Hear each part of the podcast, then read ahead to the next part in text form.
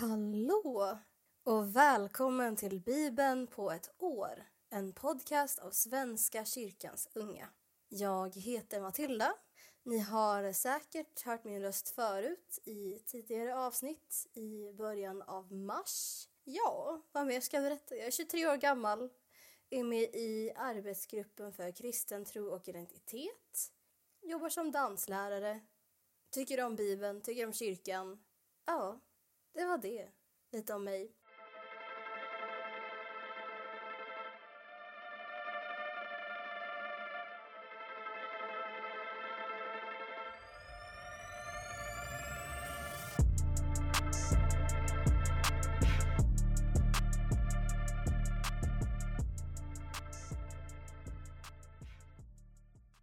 Innan vi börjar så vill jag be. Tack Gud för att vi får samlas kring Bibeln. Tack för att du inspirerar oss, för att du berör oss. Tack för att du visar dig genom berättelser. Hjälp oss se din ledning. Hjälp oss se dig i varandra och i allt. Så vi kan leva i ditt rike, din värld. Få gå runt i dig. I Jesu namn. Amen. Jag läser ur Domarboken kapitel 11. Gileaditen Jefta var en tapper krigare. Han var en oäkting och Gilead var hans far.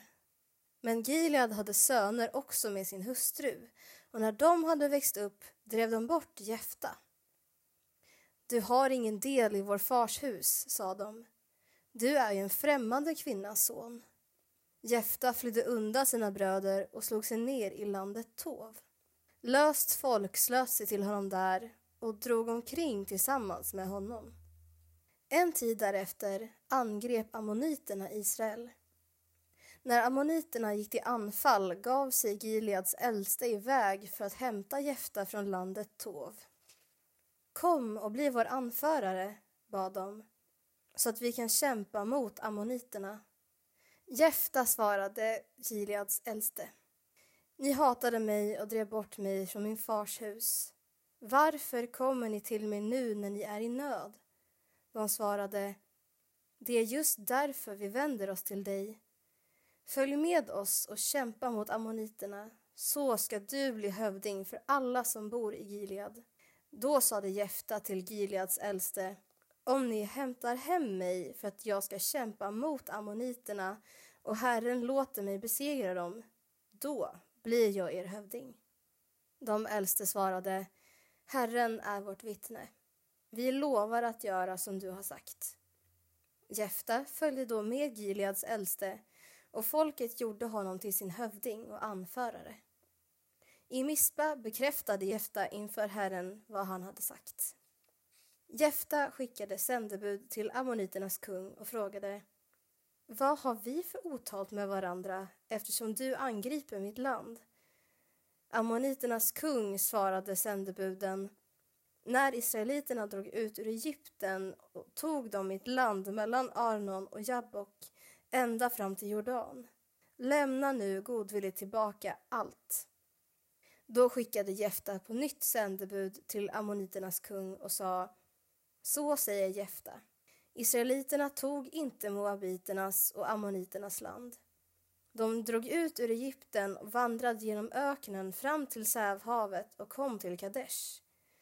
Där sände de bud till kungen av Edom och bad att få ta vägen genom hans land. Men han ville inte höra på dem. De sände även bud till kungen av Moab, men inte heller han ville tillåta det. Då stannade de kvar i Kadesh. När de sedan vandrade genom öknen tog de vägen runt Edom och Moab och kom fram till öster om Moab. De slog läger på andra sidan Arnon, men de gick inte in på Moabs område. Arnon är nämligen gräns mot Moab. Sedan skickade israeliterna bud till amoreernas kung Sichon, kungen i Heshbon och bad att få ta vägen genom hans land för att komma dit de skulle. Men Sichon förbjöd israeliterna att ta vägen över hans område. Han samlade allt sitt folk. De slog läger i Jahas och gick till anfall mot israeliterna. Då gav Herren, Israels Gud, Sichon och hela hans här i israeliternas våld. De besegrade dem och intog hela det land som tillhörde amoréerna som bodde där. De erövrade allt amoreiskt land från Arnon till Jabbok och från öknen till Jordan. Herren, Israels Gud, drev undan amoréerna för sitt folk Israel. Och nu vill du inta deras land. När Kemosh, din Gud, har drivit bort ett folk för dig så intar ju du deras land. Och var gång Herren, vår Gud, har drivit undan ett folk för oss så intar vi deras land. Är det verkligen för mer än Balak, Sippors son, kungen av Moab?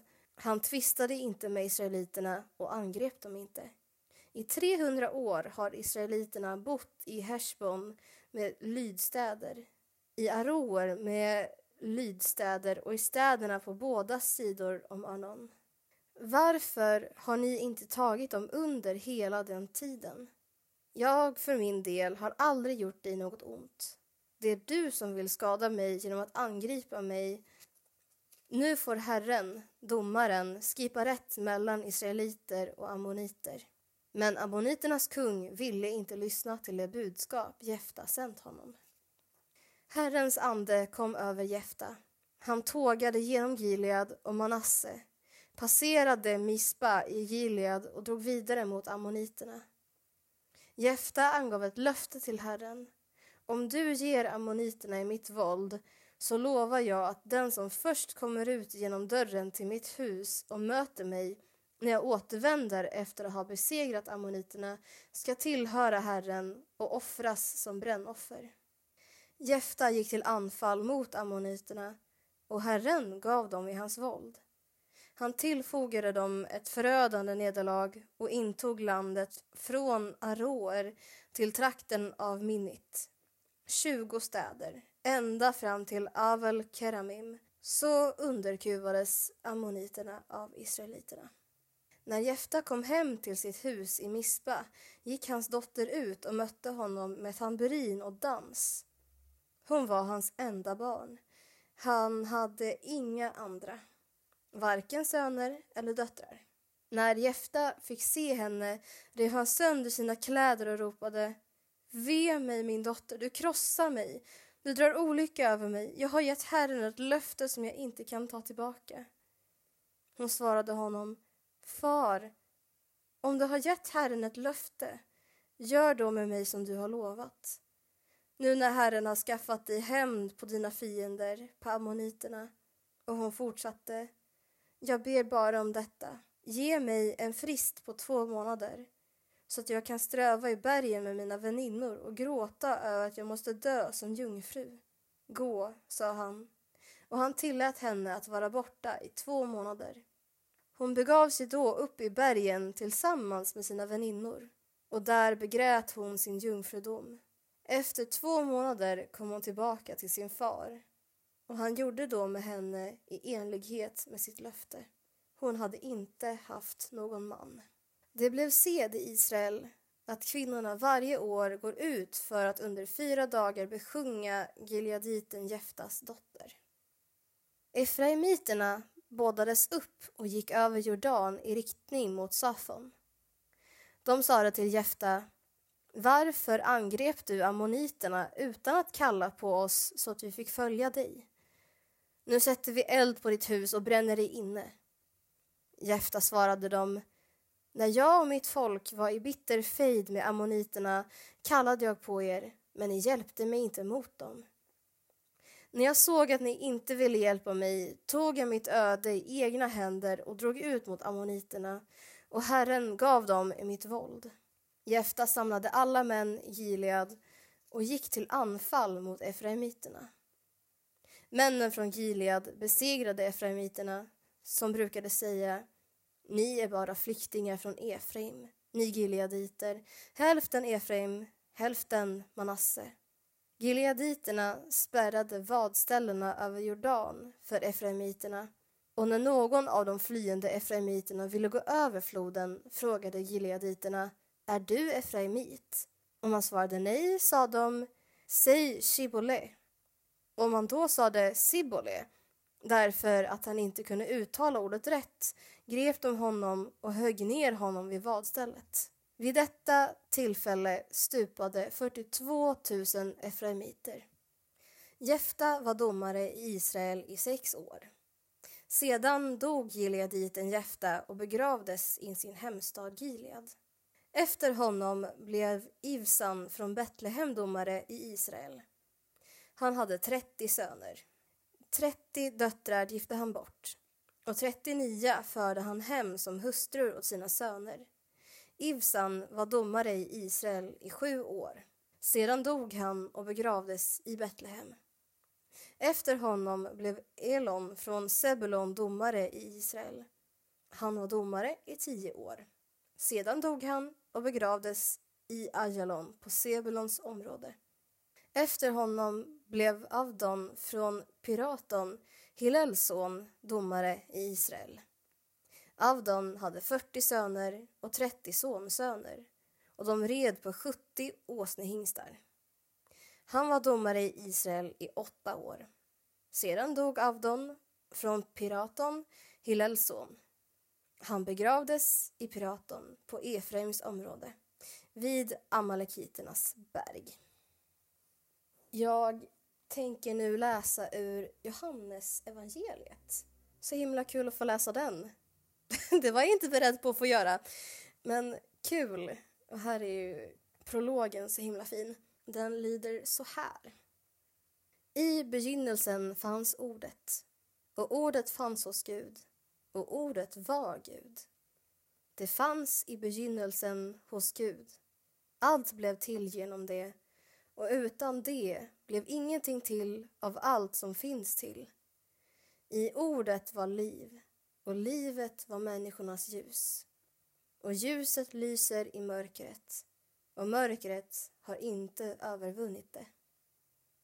Det kom en man som var sänd av Gud. Hans namn var Johannes. Han kom som ett vittne för att vittna om ljuset så att alla skulle komma till tro genom honom. Själv var han inte ljuset, men han skulle vittna om ljuset. Det sanna ljuset, som ger alla människor ljus, skulle komma in i världen. Han var i världen och världen hade blivit till genom honom, men världen kände honom inte. Han kom till det som var hans och hans egna tog inte emot honom. Men åt dem som tog emot honom gav han rätten att bli Guds barn, åt alla som tror på hans namn, som har blivit födda, inte av blod, inte av kroppens vilja, inte av någon mans vilja, utan av Gud. Och ordet blev människa och bodde bland oss, och vi såg hans härlighet, en härlighet som den enda sonen får av sin fader.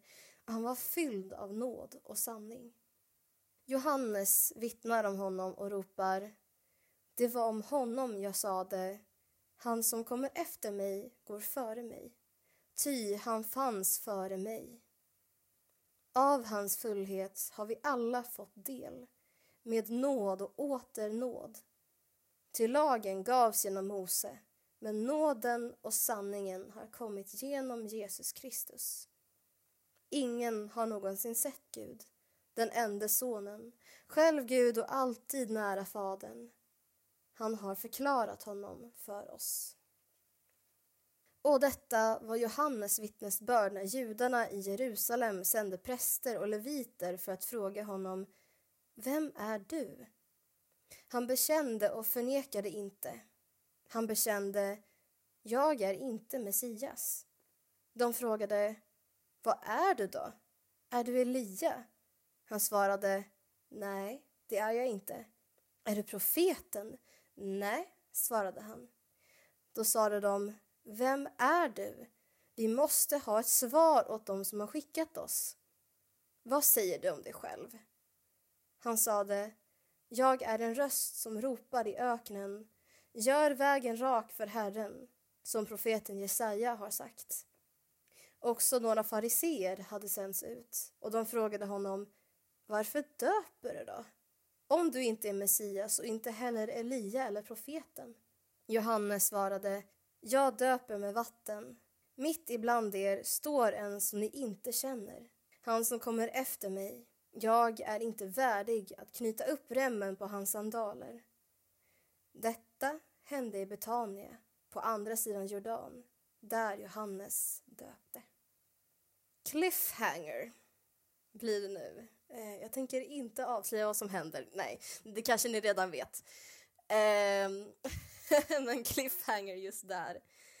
Jag kommer också läsa psalm 101. Av David, en psalm. Om godhet och rätt vill jag sjunga. Herre, jag vill sjunga till din ära. Jag vill lära mig att leva oförvitligt. När kommer du till min hjälp? Med oförvitligt sinne ska jag leva i mitt hus. Det som vållar fördärv ska inte vara mitt mål. Jag avskyr dem som gör orätt. Med dem har jag inget att skaffa. Den falske visar jag bort. De onda vill jag inte kännas vid. Den som baktalar sin nästa, honom ska jag krossa. Den som är övermodig och uppblåst, honom kan jag inte tåla. Mina ögon vilar på de trofasta i landet. De ska vara nära mig. Den som lever oförvitligt, han ska få tjäna mig. Den som är svekfull får inte vistas i mitt hus. Den som far med lögn består inte provet inför mig. Varje ny dag ska jag krossa de brottsliga i landet och utrota alla ogärningsmän i Herrens stad. Det var psalm 101. Och nu Ordspråksboken kapitel 14, vers 13 och 14. Också när man skrattar kan hjärtat verka och glädjen kan sluta i sorg. Den opolitlige får vad han förtjänar, en god man likaså. Tack för idag. Tack för att ni har lyssnat. Vi hörs och ses imorgon igen med fortsättning på texterna. Då får ni höra vad som händer efter evangeliets cliffhanger. Denny. Guds frid